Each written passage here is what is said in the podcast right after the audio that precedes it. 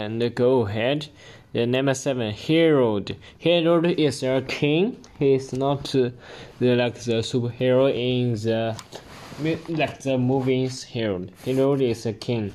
Command his soldier. His soldier like the uh, his uh, armies and to kill the every child in Bus Bus Bethlehem under the two years age. He command his enemies kill the maybe one years old child or two years less more less two years less two years child. And Jesus was not even consider and temptation. Uh, the consider like the sink, uh, sink, and Satan is a person. He's so uh, he's from the uh, the deep.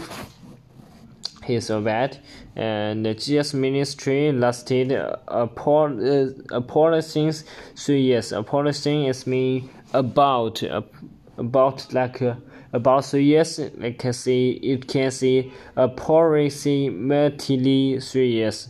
Last year is mean it's being to do some it's being do something in the uh, in the past state. And a parable is an earthly story which uh, illustrates truth from the God. A parable like the uh, something like is uh, like the story the earth story is me very famous and illustrates truth from the God is tell about the God's word, uh, God's word, and that's truth. And uh, Jesus rebuked the scribes and the Pharisees because their sin. Scribes is mean uh, they read so much books and uh, Pharisees, Pharisees is mean like the nation of the person. They lived together, and they call the Pharisees as Pharisees.